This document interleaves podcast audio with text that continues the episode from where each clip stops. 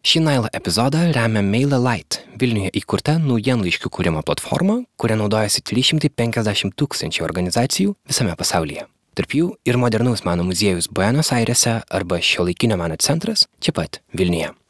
Jeigu jūsų organizacijai reikia naujienlaiškio, maillight.com yra patikrintas pasirinkimas. Žinai, ką aš tik sakau dabar, kai pradedam, žinai, diskutuoti pabėgėlių klausimais, dar kažkas, tik sakau žmonėm, kurie truputėlį mane pažįsta, o įsivaizduoju, kad aš esu tas pats žmogus, su tais pačiais įgūdžiais, su tais pačiais kažkokiais, nežinau, idėjom tom pačiom ir taip toliau, bet neturėčiau lietuviško paso, o turėčiau sirišką pasą dabar ir aš neturėčiau kito pasirinkimo ir dabar sėdėčiau kokioje pabradės centre kokiam ir laukčiau nuosprendžių. Ir tada žmonėms taiga būna, ne, nu, bet tai ne, nu, tau tai taip nebūtų. Sakau, kaip nebūtų, būtų.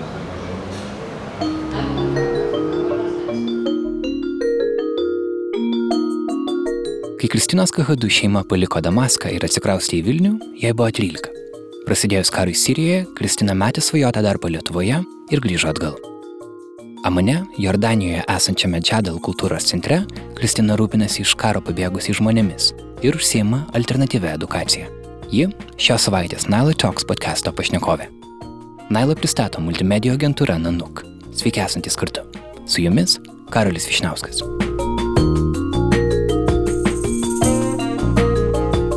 Liepos duomenimis Lietuva buvo prieimusi 349 prieglopščio prašytojus, iš kurių daugumą šalį paliko. Tačiau diskusija apie mūsų atvirumą kitų kultūros žmonėms yra įkaitusi. Jūs man pasakykite, kodėl tiek daug politikų nori, kad mes visi žiūrėtume į pabėgėlius pro tokius rožinius akinius. Aš nenoriu, kad ir Lietuvos laikraščiai pradėtų mirgėti tokiomis antraštėmis apie smurtą, prievartavimą, plėšimus. Ir todėl aš jums pažadu, kad net jei visi kiti nekovos prieš pabėgėlių invaziją į Lietuvą, mes kovosime iki galo.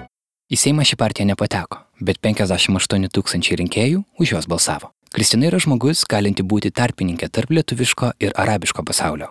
Jos mama yra lietuvė, o tėvas - siras. Ji kvepta abiejų šalių kultūrų, bet kartu yra nepriklausoma asmenybė, su kuria susitikau diskutuoti apie altruizmą, identitetą, religiją ir civilizacijos ateitį.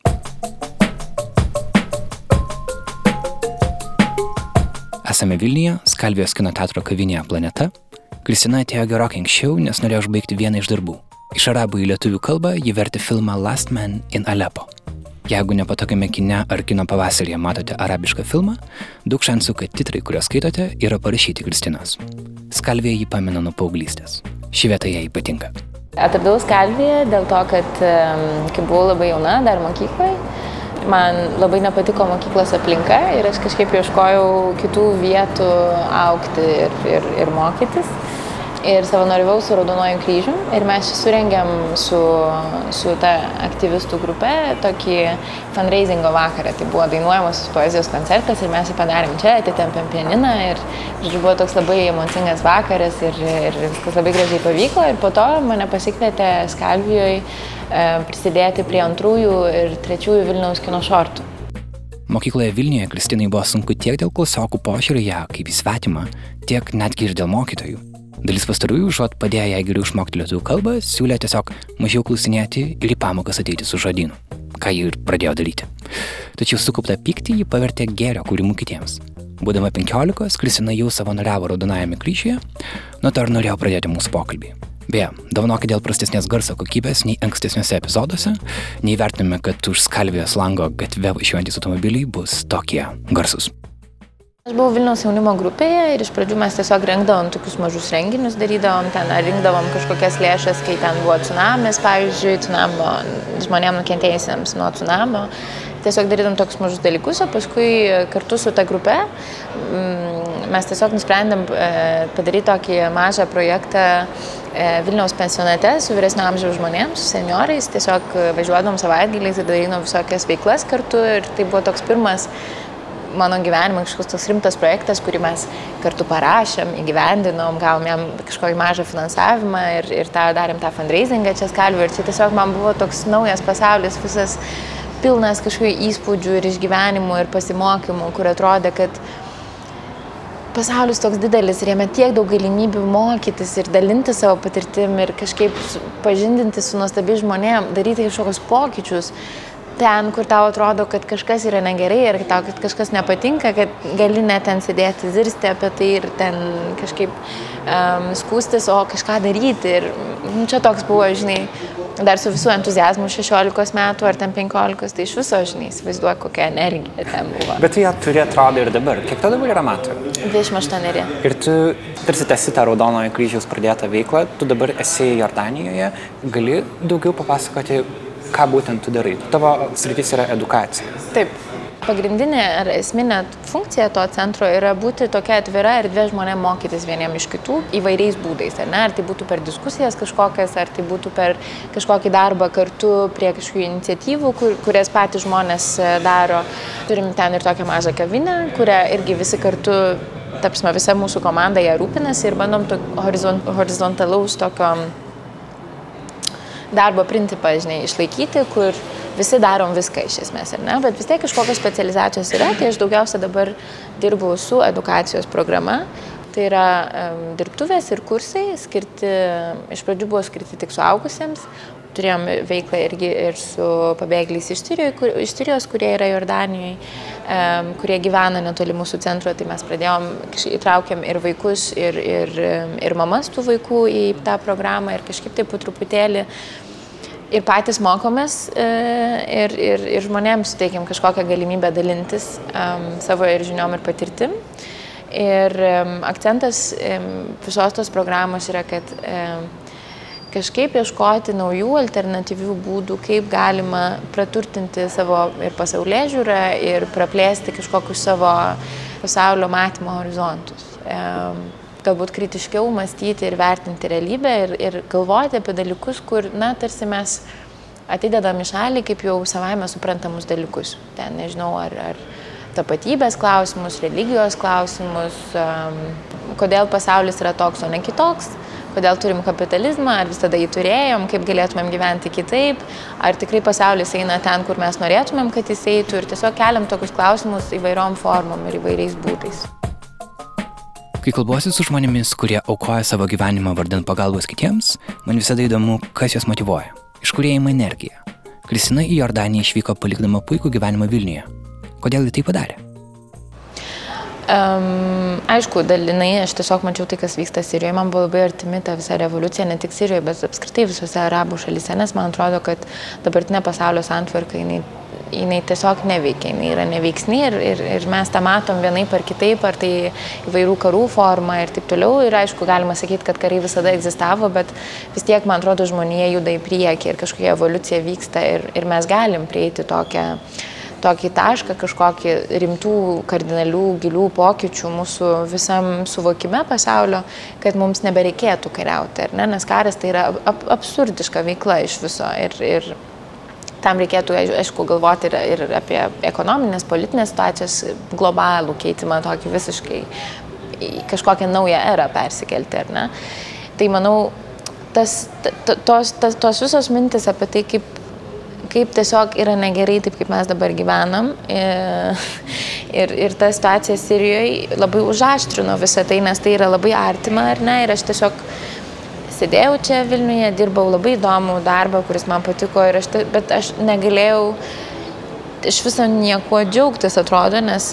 Ką tu dirbai Vilniuje? Aš dirbau Lietuvos kino centre, e, kino sklaidos skyriuje ir tai, man tai labai patiko kažkaip tai. Tokį besidominčiai kinu, tai vienas, viena iš geriausių vietų, kur Lietuvoje turbūt. Taip, taip, ir, ir, ir, e, tikrai buvo labai man buvo labai smagu vėl dirbti prie kino ir, ir labai džiaugiausi, bet aš tiesiog galvojau, nu, ten pasaulis grūva ir po cheminės atakos uh, rūpjūti 2013 metais, kuri buvo Sirijos e, Damasko priemestyje, aš tiesiog ne, nebegalėjau, man ten širdis sprogo ir aš kažkaip ir dėl asmeninių irgi priežasčių, nes mes mačiutę turėjom perkelti iš Damasko į Amaną ir taip toliau ir kažkaip tiesiog viskas taip susidėliojo, keli dalykai kartu, kad aš nutariau, kad, na, man atrodo, reikia važiuoti atgal į regioną ir, ir tą visą tokį pyktį ir frustraciją, kad ta tokia gražiai prasidėjusi taiki revoliucija kažkaip virto kažkokiu absurdišku karu.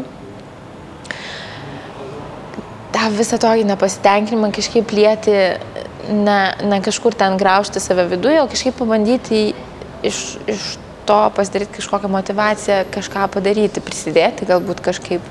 Tu tiesiog išėjai iš darbo ir tada išvažiavau. Ar suprato tavo, pažiūrėjau, kolegos, tavo artimieji Lietuvoje, kodėl tu tai darai? Artimieji ne. Um, Nes mano tėvam visą laiką atrodė, ypatingai mano tėčiui, kuris visai nukentėjo nuo režimo vienaip ar kitaip kadaise, um, pakankamai subtiliai, bet taip jau paragavo visos tos realybės, jam visai atrodė, kad yra nelogiška ir neracionalu apskritai vykti į tą regioną ir, ir gyventi tokiom nelengvom aplinkybėm.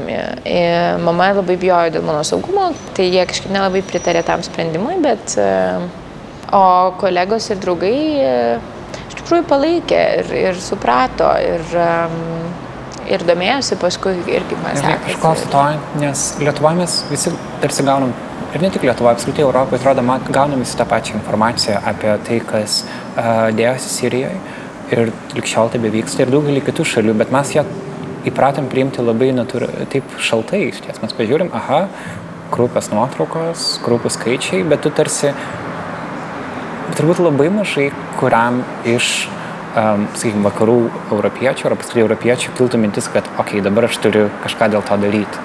Pavyzdžiui, jeigu tu būtum užaugus Lietuvoje, tarkim, nuo pat gimimo, kaip man ir, irgi tai būtų buvę. Labai sunku pasakyti dėl to, kad vis tiek, um, kai aš priemiau sprendimą išvažiuoti, man buvo 24 ir tas sprendimas atėjo iš visų mano per tuos 24 metus patirtų dalykų.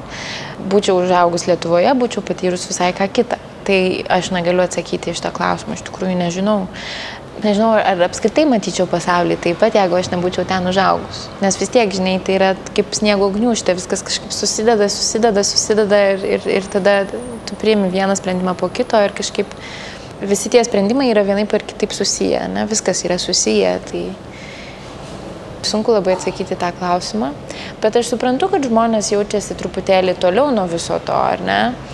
Ir man labai liūdna dėl to, ne, ne tik dėl to, kad tai yra Sirija, ne, bet apskritai aš galvoju, kad dabar mes gyvenam tokiam pasauliu, kur yra, kur kaip niekada anksčiau ir mes esam labai arti vieni kitų.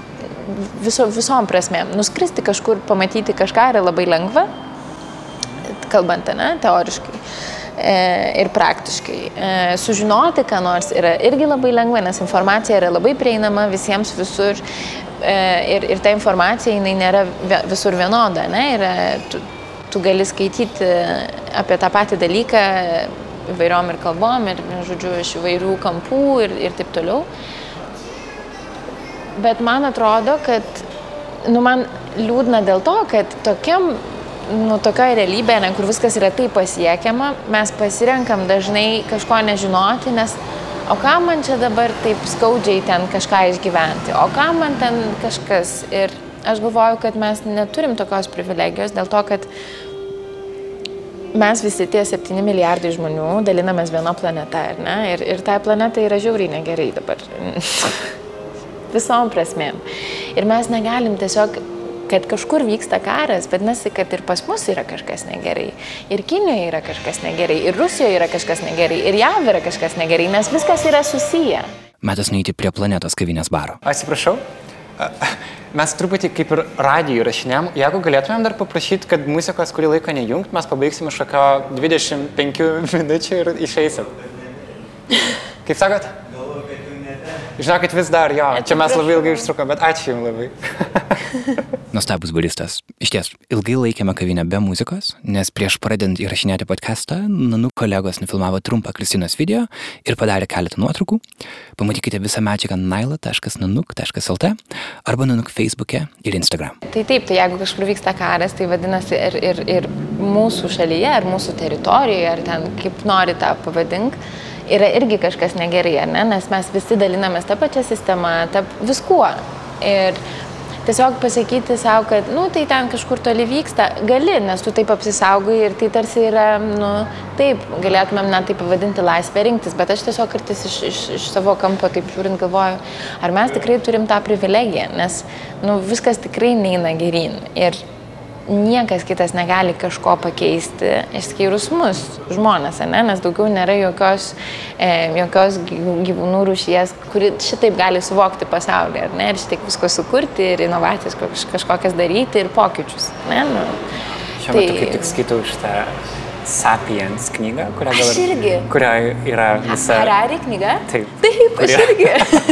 kur yra visa, visa, visa paaiškinta teorija, kaip galiausiai žmonės tapo daugiausiai pasiekusiais gyvūnais ir pradėjo žemę naikinti. Visiems, taip. visiems klausytojams rekomenduojam. Taip, taip, labai gera knyga, žiauriai gera. O neišversta į lietuvių kalbą? Neišversta į lietuvių kalbą. Geras, pat, nes šiemet. aš dabar skaitydama, žinau, galvojau, jeigu neišversta, tai gal reikėtų išversti ją. Tai džiaugiuosi, kad išversta. Labai labai gera knyga. Nu.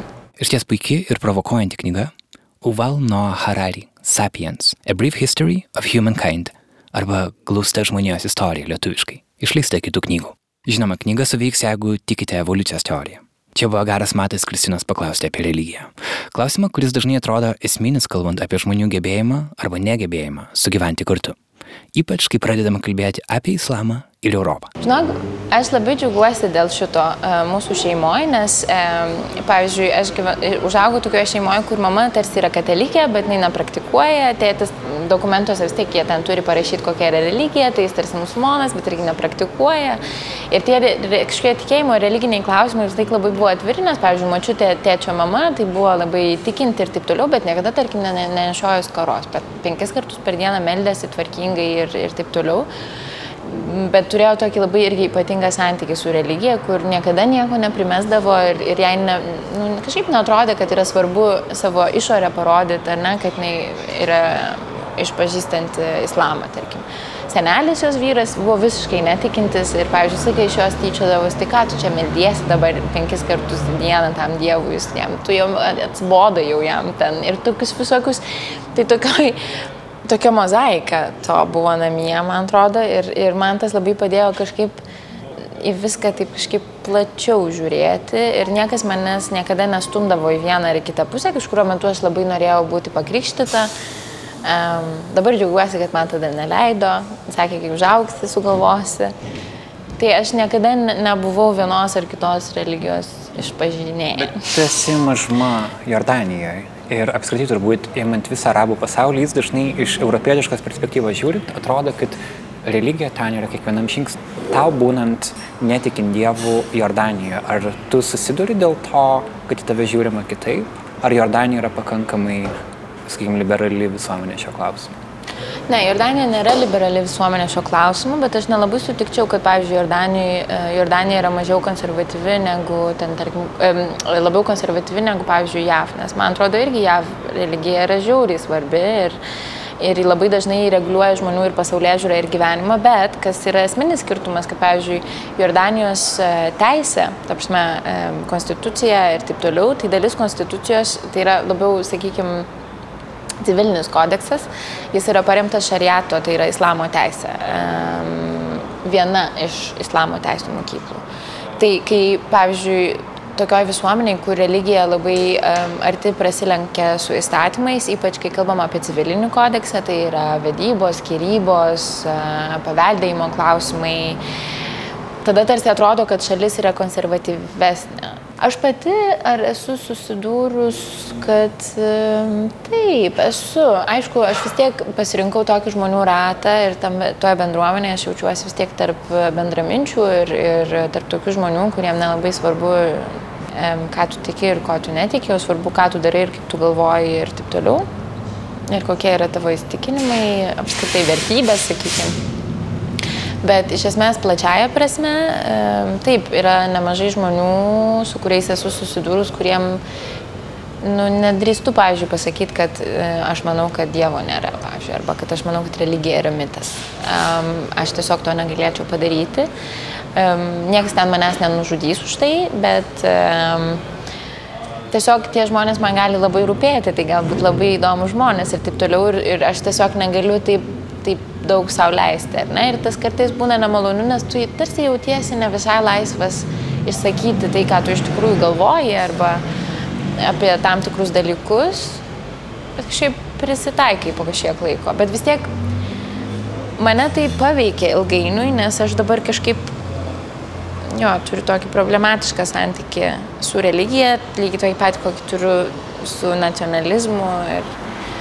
Suprantu, kad tu laikai religiją vienu iš tų stabdžių, kurie trukdo visuomeniai tiesiog mažiau kariauti.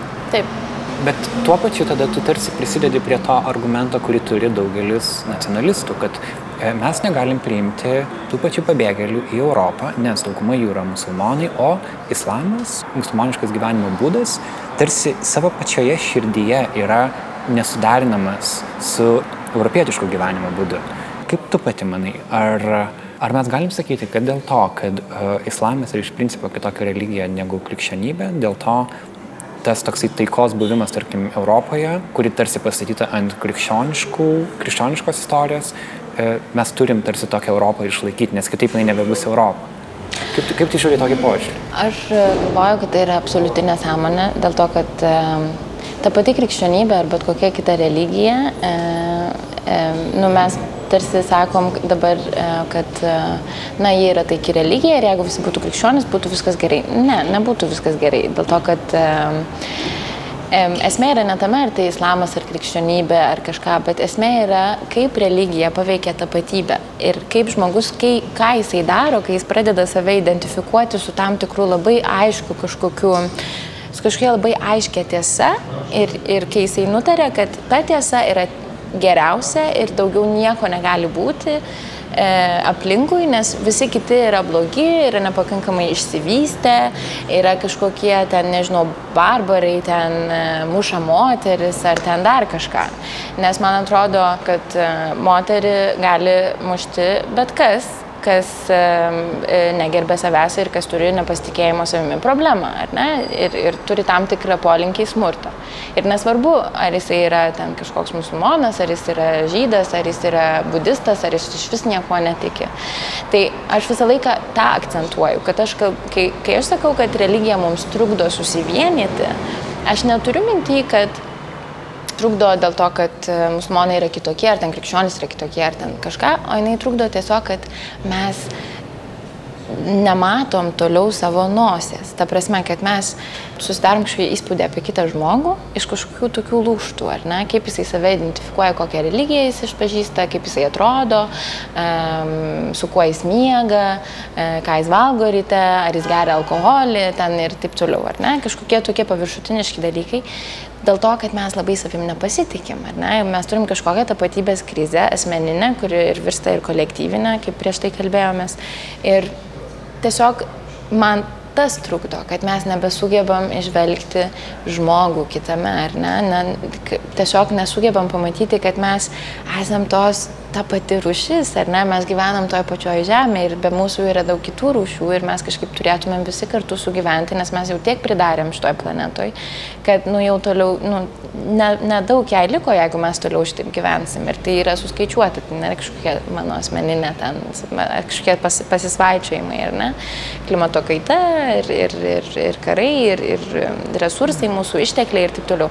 Tai ką aš tiesiog taip pabaigdama norėčiau pasakyti, kad man atrodo, kad mums iš esmės trukdo ne kažkokie, um, ne tai, kad žmogus yra kitoks, o tai, kad mes tiesiog nemokam priimti savęs, tai ir nemokam ir to kito priimti. Ir mes nenorim nieko suprasti, mes kažkaip gyvenam tokiam burbulė ir tiesiog norim jame būti ir apsisaugoti nuo bet ko, kas yra nepažįstama ir kas kelia baimę. Mm. Bet tai turim turbūt pagalvoti, kodėl religija apskritai egzistuoja visuomeniai ir Vienas iš atsakymų yra, kad žmonėm tarsi reikia kažkokio didesnio tikslo. Kas tau yra tas kažkoks didesnis tikslas, vardan kurio tu um, gyveni? Nes galbūt kitiems žmonėms religija yra tai, kas juos motivuoja būti dorai žmonėmis ir judėti į priekį toliau. Um, kai tu to atsisakai, vadinasi, kažkas turi užimti tą vietą, kas tau tą prasme suteikia. Kas tau ją suteikia? Mūsų žemės grožį, žinau. Tikrai. Ji yra tokia graži ir tokia įvairi. Ir net tie patys žmonės, kurie, ta prasme, mes esame vis tokie skirtingi ir tokie, nu, kaip sakiau tau prieš, tokie spalvoti. Mes, žinai, ir, ir tiek yra grožio um, aplink, kad tu negali nenorėti jo išsaugoti. Primenu, kad šį Nile epizodą remia MailerLite, naujienlaiškių kūrimo platforma, kuria naudojasi 350 tūkstančių organizacijų visame pasaulyje. Jų biure Vilniuje yra ne tik daug kompiuterių ir talentingų programuotojų, bet ir šio laikinio meno darbų kolekcija. Gera sutikti verslus, kurie vertina meną. mailalight.com yra jų adresas.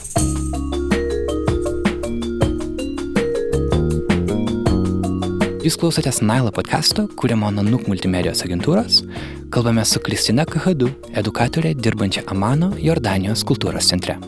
Esu keliautoja atradinėjanti pasaulį ir žmonės, sako ji pati. Lietuvoje Kristinės istorija buvo atrasta kilus migrantų kriziai, tad norėjau sugrįžti prie šio klausimo. Vienas didžiausių argumentų prieš migrantų prieimimą Lietuvoje yra baime, kad jie nieko neduos visuomeniai ir tik jai pakenks. Paklausiu Kristinos, kaip ji mano, ką Lietuva gali gauti priimdama migrantus. Šiaip visai įdomus klausimas, nes jį visai žinai gali žiūrėti. Aš iš tikrųjų ne, ne, negaliu labai konkrečiai pasakyti, ką jinai galėtų gauti, nes man atrodo tiesiog, kad um, matyti mies, miestuose, ar ne,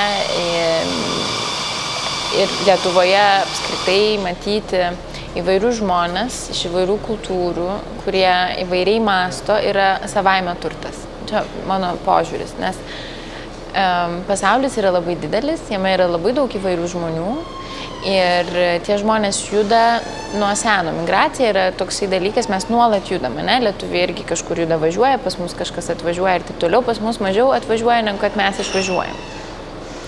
Ir man atrodo, kad tiesiog Lietuva būtų to tokio to tokio, nežinau, um, dinamiško pasaulio dalim, ar ne? Kai, kai tu eini gatvė, nugi kaip gražu, kai tu matai žiauriai daug įvairių kultūrų atstovų ir daug spalvų, daug kažkokių ir mentalitetų. Ir... Taip, man atrodo, kad tai yra savaime turtas, nes vis tiek tai prideda labai daug um, kažko, kiekvienas žmogus padaro įtaką miestui, kuriame jis gyvena. Ir man atrodo, kad įsivaizduok, jeigu yra tokia virtuvė žmonių įvairių, kurie daro dalykus, kurie dalinasi, mokosi vieni iš kitų. Tai nuostabu. Aš, nu, man atrodo, kad tai yra daugiausia, ką Lietuva gali gauti. Problema tame, kad šito dalyko tu neįvertinsi, nepamatuosi, negali pasakyti, kad tai mums atneš tiek ir tiek milijonų eurų, kad ekonomikai tai bus tas ir anas. O kitas dalykas, ką aš sakau, kad o kodėl mes apskritai turim galvoti, ką Lietuva iš to gaus? Nes Man atrodo, kad tiesiog mes visi turim teisę būti ten, kur mes norėtumėm būti, ar ne? Ar mes norim būti Lietuvoje, ar mes norim būti Kazakstane, ar mes norim vykti į Antarktiką. Žmonės nuolat visą laiką žmonė judėjo iš vienos vietos į kitą ir aš ne, nu, nematau priežasties, kodėl čia dabar turėtumėm, pavyzdžiui, įrodyti naudą kažkokią, ar ekonominę, ar socialinę. Man tiesiog atrodo, kad mes savo suteikėm teisę, lietuviai suteikė savo teisę važiuoti ar į Norvegiją, ar į, ar į Airiją, ar ten į Ameriką, ar dar kažkur. Tai kiti žmonės turi lygiai tokią pačią teisę ir kodėlgi jiem nepasilikus Lietuvoje? Iš ties, net jeigu tu diskutuoji su žmonėm, uh, tarkim, išvykusiais iš Lietuvos, jie tarsi jaučia turi didesnį teisę būti Norvegijoje arba Britanijoje, nes tarsi jie yra iš tos pačios Europos kultūros. Jų odos spalva yra ta pati, jų religija galbūt yra ta pati, o į atvykus iš arabų pasaulio žmonės matome kaip kažkokius fundamentaliai kitokius. Um, ar tu matai kažkokią logiką tame, kad pavyzdžiui... Um, Deja, ne. Deja, nematau, nes pavyzdžiui, irgi, kai kalbam apie kokią Didžiąją Britaniją, nu, nei ten pasakysi, kad visi žmonės išpažįsta tą pačią religiją, kad jie visi vienodai atrodo, ta prasme, taigi yra tokia multikultūrinė, ne? Bet kartu yra kažkoks autentiškas, britišk, britiškas aristokratiškumas, nežinau, kažkokia britinė kalbos akcentas. Yra dalykai, kurie dalį žmonių asocijuojasi tokia tikrąją senąją Britaniją, kuri dabar tarsi nyksta. Yra ta baime, kad Europa kažkaip gali žlugti tokia, kokia yra dabar, nes tarsi islamas ją pakeis iš esmės, iš vidaus kažkaip. Kiek tu manai, kad, ta, kad tai yra um, kad tai yra realu? Toks įdomus klausimas visai. Aš nemanau, kad islamas ją pakeis iš esmės. Aš manau, kad žmonių judėjimas ją pakeis iš esmės. Čia yra iš vienos pusės. Iš kitos pusės aš nemanau, kad um, um, tik Europa žlunga, man atrodo, visas pasaulis žlunga tikrai. Nes, uh, nu, matome, ne, kas dedasi. Va, ir Trumpas atėjo, ir, ir ką Putinas išdarinėja, nu, visa mūsų ekonominė sistema ir tos ekonominės sąlygos visose šalyse, kokios yra ir taip toliau. Dabar jeigu mes kalbam apie, pavyzdžiui, Norvegiją, Švediją ir Skandinavų šalis, tai nepamirškim, kad tai yra tos šalis, kuriuose dažniausiai rekomenduojama gyventi, kur žmonių ten laimės indeksas kas tai bebūtų, yra pakankamai aukštas, kur e, žmonės jaučiasi ramesni, saugesni, e, laimingesni ir taip toliau. Tai yra žmonės, kurie buvo labai atviri, e, tapsime, tai yra valstybės, kurios buvo labai atviros e, migrantam, dėl, kurie atvyko dėl įvairių priežasčių. Ne? Ir, kurio, ir kurios nebijojo tų pokyčių ir nekalbėjo apie tai, o tai kas čia dabar bus su ta mūsų tapatybė, nes man atrodo, tai yra susiję su um, tuo, kad galbūt tam tikrose valstybėse tas kolektyvinis um, savimi nepasitikėjimas ir kažkoks uh, kompleksas ma mažų valstybių ar tų tokių, tokių va, nykstanti kultūra, nykstanti kalba kažką, jis nėra toks didelis, man atrodo, tiesiog lengviau yra priimti kitą. Ir man atrodo, kad tai suteikia labai daug, nu, tokio, praturtino labai tas visuomenės tam tikrą prasme. Pažiūrėkime į Kanadą, pavyzdžiui, jie yra visa, visa paremta migrantais. Ta, tai nu, iš visų pasaulio valstybių ir jie kažkaip dabar ypač su Trudeau, tai puikiai tą kažkaip į tą investuoja ir, ir iš to kažkas gražaus išeina. Tai aš nežinau, man atrodo, kad e, apskritai, o kas yra ta Europos tapatybė? Ar, ar lietuviai yra europiečiai? Pavyzdžiui, čia labai geras klausimas, man atrodo. Pasiklausti savęs, ar mes esame europiečiai. Man kartais klausantis lietuvių pokalbių oro uostuose, nebūtinai atrodo. O kas tuomet lietuviai yra? Nežinau. Ir dėl, galbūt, kadangi mes nežinom, kas mes tokie esame, dėl to ir nenorim kažko kito priimti. Nes mes bijom, kad, nu, tai ką dabar su, su tuo kitu darysim, kai aš nežinau, kas aš pats esu. O kaip žinai, tu pati kas tu tokia esi, nes tau turėjo būti sunku. Tu turi daug skirtingų identitetų. Tiek iš tavo tėvų, vienas yra atėjęs iš Lietuvos Lenkijos, kitas iš Sirijos, tu moki, e, tu iš pradžių kalbėjai arabiškai, bet taip pat išmokai prancūzų kalbą, kalbi rusiškai, kalbi ir lenkiškai netgi šiek tiek. Taip pat išmokai lietuvių kalbą. Um, kaip tu save identifikuoji? Pavyzdžiui, aš paklausiu tavęs, ar tu esi lietuvė? Ar tu skaitum taip? Taip, sakyčiau taip. Žinai, įvairiai būna, aš atsakau įvairiai tą klausimą. Priklauso truputėlį nuo situacijos. Kartais, kai noriu taip jau konkrečiai pasakyti, sakau, aš pusiau sirė, pusiau lietuvė, jeigu žmonės klausia apie ten e, pilietybę, ne, ar ten tautybę, ar dar kažką.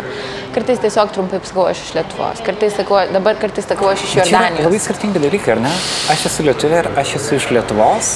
Tai yra du skirtingi identitetai. Taip, taip. Ir man atrodo, tu kaip pasaulį matanti kaip tokį, kuriame sienos yra labiau žmonių sukurtas negu realios. Tas pasakymas, kad tu esi lietuvė, tau turbūt reiškia skirtingą dalyką negu, pavyzdžiui, žmonėms žygiuojantiems kovo 11-ąją Gedimino prospektu ir sakantis, kad jie yra lietuviai. Jeigu pasakai, aš esu lietuvė, ką tu tuo turi omeny? Kad Lietuva man turėjo labai daug įtakos. Lietuva yra dalis manęs. Ir aš esu dalis Lietuvos. Aš daug ką čia veikiau, um, vis dar kartais veikiu, kažkaip prisidedu prie Lietuvos tokios, kokia ji yra, ar ne? Um, kažkokiais savo mažais, labai mažais darbais. Kad ir išversti filmą į lietuvių kalbą, Pavyzdžiui. kad galėtum išlėti arabiškai. Manau, kad irgi yra Taip. prisidėjimas, kurį labai nedaug kas iš tikrųjų galėtų padaryti. Tai va, pavyzdžiui, um, tuo pačiu aš tiesiog taip identifikuoju kiekvieną vietą ir kiekviena patirtis, kiekvienas sutiktas žmogus, jis kažkaip tampa nu, dalimi manęs, vienai par kitaip, ar ne? Maža labai dalim, labai didelė dalim. Um, aš irgi, kadangi yra kažkokia interakcija, tai aš irgi padariau kažkokią jam įtaką, ne? Um, ir vietai, ir žmogui, ir taip toliau.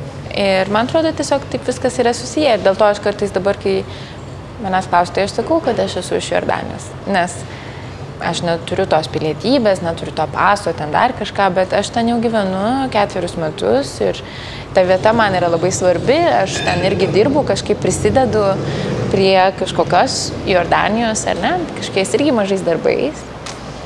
Ir aš kažkaip, nežinau, man atrodo, ir taip su visų pasauliu gali savo. Šiaip tu jam ir jis tau ir taip ir visi kartu augam. Paskutinis klausimas, kaip tu manai, ar Sirija atsigaus? Nes man atrodo situacija, kuri tokia be išeities. Ir visai realu turbūt, kad visi žmonės pamažai iš ten išvyks ir galbūt sirai taps tokia klajoklių savotiškai tauta, ar ne, kad išsibarčiusi po visą pasaulį žmonių, kurie nebeturi galimybės grįžti į savo, į savo namus, kas yra gazdinanti perspektyva, bet jinai kartu turbūt yra visai reali. Kaip tu, kaip tu matai, kas laukia Sirijos? Na, tu uždavė šitą klausimą dabar tokiu periodu, kai man yra apskritai depresija, kai galvoju apie Siriją ir apie jos ateitį, tai man kažkaip labai sunku normaliai atsakyti šitą klausimą, bet um, prošvaiščių beveik nėra dabar. Um, Sirija jau tapo klajoklių tauta, žinai, um, labai nemažai miestų yra taip sugriauti, kad ten, aš nežinau, buvo, man atrodo, ataskaitos 2000, 2015 metais kad infrastruktūra buvo taip sužlugdyta šalies, kad prireikia, prireiktų bent 10 metų, jeigu būtų viskas jau sustoję 2015 ir tas karas būtų pasibaigęs ir taip toliau, būtų prireikę 10 metų, kad ta infrastruktūra grįžtų į tokį pradinį tašką, į nulį. Ne? Tai tu įsivaizduoji, kiek ten nėra visko. Ir aš kažkaip dabar, kai pagalvoju, jau 17 metai ir jau tu 18 ir viskas kaip nesibaigia, taip nesibaigia. Žmonės yra ne tik lajokliai, jie yra ir, ir sergantis, ir psichologiškai, ir fiziškai, ir, ir, ir, ir kelia savo milijoną klausimų, kuriuos labai sunku atsakyti, tos pačios tapatybės, um, tikslo apskritai, ar ne? Um, Ir tarsi, kai aš pasikalbu su žmonėms, su draugais, pažįstamais, tai visi sako, kai tik galėsi, norėtumėm grįžti, nes vis tiek kažkam reikia atstatyti tą šalį, kažkiek kažkokios vilties žmonės dar turi, kad jie galėtų grįžti ir kažką padaryti. Bet manau, ta viltis tokia mažėja ir mažėja ir mažėja ir mažėja. Ir nežinau, nes tiek kraujo pralieta, tiek yra žmonių išžudyta, tiek yra vis dar kalėjimuose, apie kuriuos nieko žmonės nežino, kai kurie nežino žinai, ten, nežinau, žmona, draugas, e, vyras dingo prieš ten penkis metus ir niekas iki šiol nežino, kur jie yra, gyventi su tom visom mintim, nu, tu tiesiog negyveni, o vegetuoji. Tai visą tai kartu sudėjus, kai aš pasižiūriu visą tą bendrą vaizdą, tai man atrodo, iš vis jokių prošvaiščių. Ne, tikrai, aš ne, nežinau ir nežinau. Tau turbūt labai pasisekė, kad tavo tėvai tada nusprendė visgi grįžti į Lietuvą nes galbūt, jeigu jie būtų buvę likščiau, skaitavo seneliai yra tenai, ar ne? E... Jau nebėra, jau buvo mirę taip. Mm, šiučiu.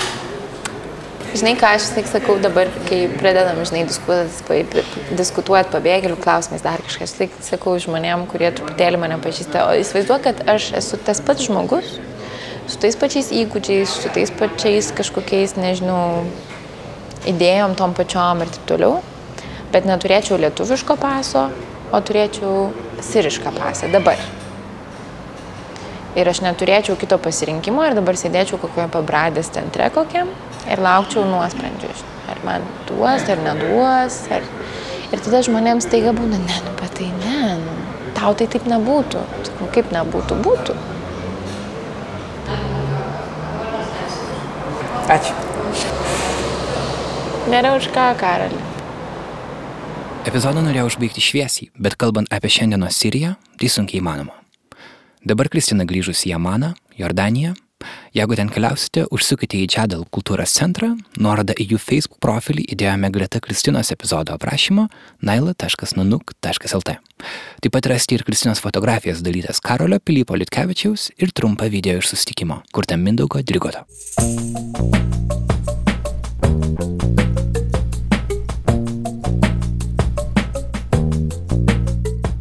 Ačiū, kad buvote kartu. Šį nailą epizodą jums pristato Nanukeltą komandą, jį rengiau ir montavau aš, Karolis Višnauskas. Mūsų muzikos autorius ir garso režisierius yra Martinas Gailius iš Soda Sounds. Jeigu jums patiko šis epizodas, paremkite Nailą podcastą Patreon platformoje, adresas yra patreon.com, pasvirasis brūkšnys, nanuk multimedia, kaip vienas žodis.